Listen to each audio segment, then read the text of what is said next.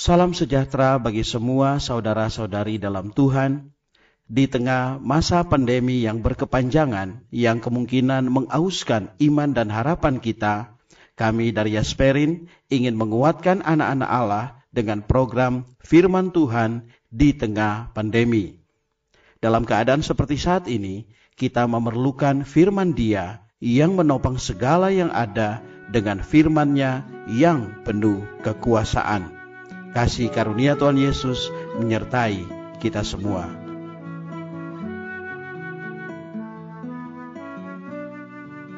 Saudara-saudari yang dikasihi oleh Tuhan Yesus Kristus, selamat bertemu kembali dalam program Arus Hayat Voice. Tema kita kali ini adalah Kapankah Dunia Berakhir?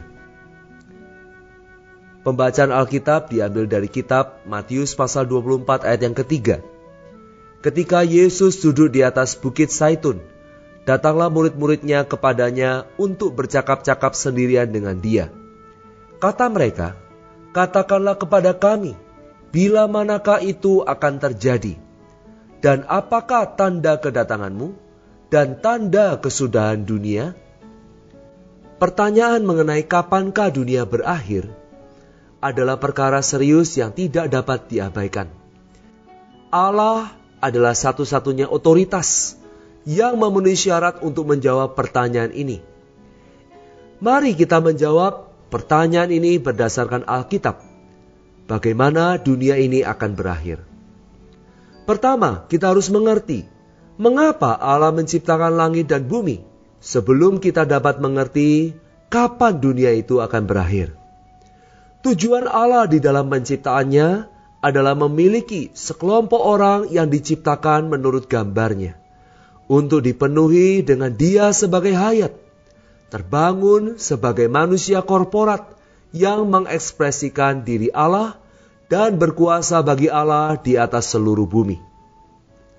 Ini menunjukkan kepada kita bahwa dunia tidak akan berakhir sebelum manusia korporat ini dapat dibangun dan tujuan Allah dapat tercapai. Sejak Allah menciptakan manusia 6000 tahun yang lalu, manusia sudah memakai sumber daya alam di bumi. Pada abad yang lampau, pemakaian manusia terhadap sumber daya alam ini telah bertambah secara dramatis. Sampai satu titik, sumber daya alam itu akan berkurang dengan cepat. Kalau pemakaian ini terus berlanjut, para ahli memperkirakan cadangan minyak yang masih ada mungkin akan habis dalam waktu tidak lebih dari 50 tahun. Karbon dioksida bertambah. Dunia akan menjadi lebih panas karena efek rumah kaca dan pola cuaca mudah berubah. Kekeringan dan banjir akan sering terjadi, merusak tanah pertanian dan kota-kota. Hutan makin lama makin habis. Habitat satwa liar semakin berkurang dan semakin sedikit tumbuh-tumbuhan yang menghasilkan oksigen. Udara tercemar setiap detik, kesulitan pernafasan semakin meningkat. Populasi dunia meningkat, tetapi tidak diimbangi dengan persediaan makanan dan bahan pokok yang cukup. Alkitab tidak mengatakan dengan jelas kapan dunia ini akan berakhir. Tetapi Alkitab memberitahukan tiga tanda besar untuk kita waspadai. Tanda yang pertama adalah bangsa Israel akan terbentuk lagi. Bangsa Israel telah kehilangan kerajaannya kurang lebih 2600 tahun yang lalu. Tetapi Alkitab di dalam Hosea pasal 9 ayat 10 dan Matius 24 ayat 32 menubuatkan bahwa Israel adalah pohon ara itu. Ia akan bertunas kembali. Hitler berusaha menghancurkan seluruh ras Yahudi dengan kamar gas. Ini menghambat terjadinya pemulihan negara Israel. Tetapi kita melihat dalam sejarah bahwa Hitler telah mati. Tetapi orang-orang yang ingin dihancurkannya itu menjadi bangsa Israel pada tahun 1948. Tanda kedua adalah Yerusalem akan diinjak-injak di bawah kaki bangsa-bangsa bukan Israel, sampai menjelang akhir dunia. Seperti yang tertulis dalam Lukas pasal 21 ayat 24. penginjakan itu berakhir pada tahun 1967 ketika kota Yerusalem kembali ke tangan Israel. Tanda yang ketiga adalah penanda tanganan perjanjian antara antikristus dengan bangsa Israel, seperti yang tertulis dalam Daniel pasal 9 ayat 27. Kita tidak tahu siapa yang akan menjadi antikristus, tetapi kita tahu bahwa dia akan menjadi penguasa atas sepuluh bangsa yang berkedudukan di Eropa. Tempat di mana kekaisaran Romawi yang dahulu. Ia akan mengadakan suatu perjanjian dengan Israel. Isi perjanjian itu tidak tercatat dengan jelas dalam Alkitab. Tetapi banyak pelajar Alkitab sependapat bahwa perjanjian itu akan berisi pokok-pokok tentang perdamaian dan pembangunan kembali bait suci. Begitu perjanjian itu ditandatangani, akan ada tujuh tahun lagi menjelang dunia ini berakhir. Alkitab memberitahukan kepada kita bagaimana dunia itu akan berakhir. Tujuh tahun terakhir sebelum akhir dunia itu terbagi menjadi dua bagian, masing-masing tiga setengah tahun. Tiga setengah tahun yang pertama akan merupakan masa damai. Pada akhir masa itu Allah akan merampungkan pekerjaannya untuk menghasilkan manusia korporat yang penuh dengan diri Allah sebagai hayat. Orang-orang itu adalah para pemenang. Dia akan membawa para pemenang ke sorga. Di sana para pemenang akan mengalahkan iblis dan mencampakkannya ke bumi. Kemudian sebuah roh najis akan masuk ke dalam antikristus dan iblis akan memberikan kuasanya kepadanya. Ini akan memulai tiga setengah tahun yang terakhir dari dunia. Alkitab menyebut masa itu masa kesusahan besar. Pada saat itu bumi tidak akan menjadi tempat yang disukai orang untuk dihuni. Antikristus akan melakukan banyak hal untuk merusak manusia. Saat yang sama akan terjadi bencana alam yang luar biasa. Pada akhir tiga setengah tahun yang terakhir itu, Kristus akan turun dari surga bersama para pemenangnya untuk menghancurkan antikristus dan pasukannya di Harmagedon.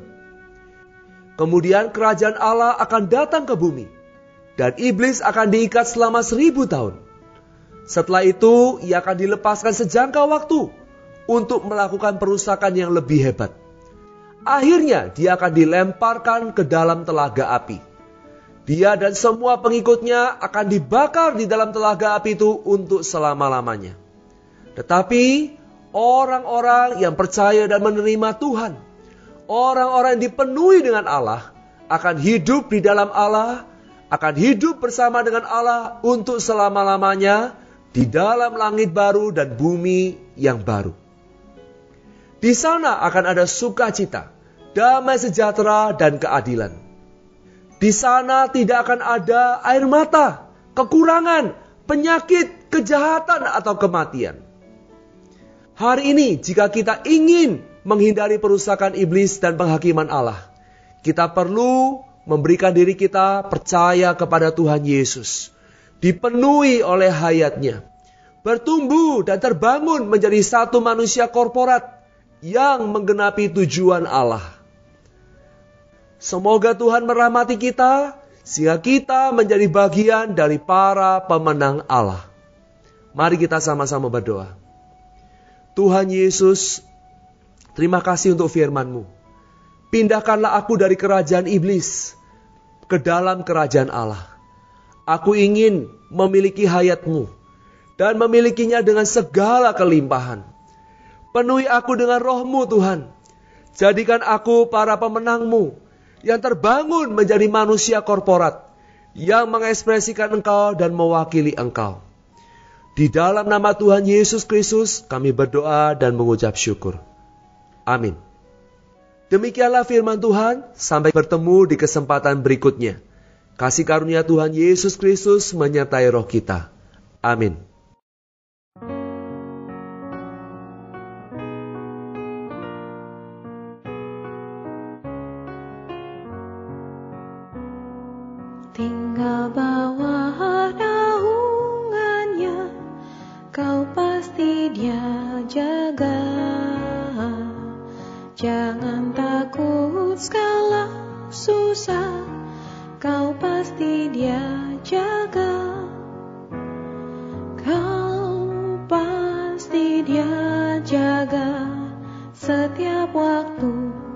Dia menjaga.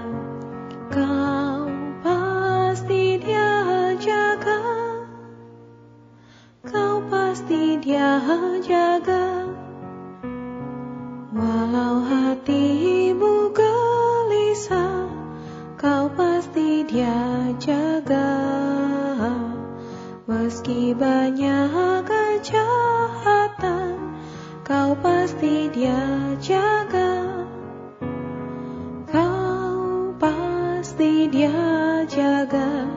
Setiap waktu dia menjaga. Kau pasti dia jaga. Kau pasti dia jaga. Allah mendengar doamu, kau pasti dia jaga. Dia sediakan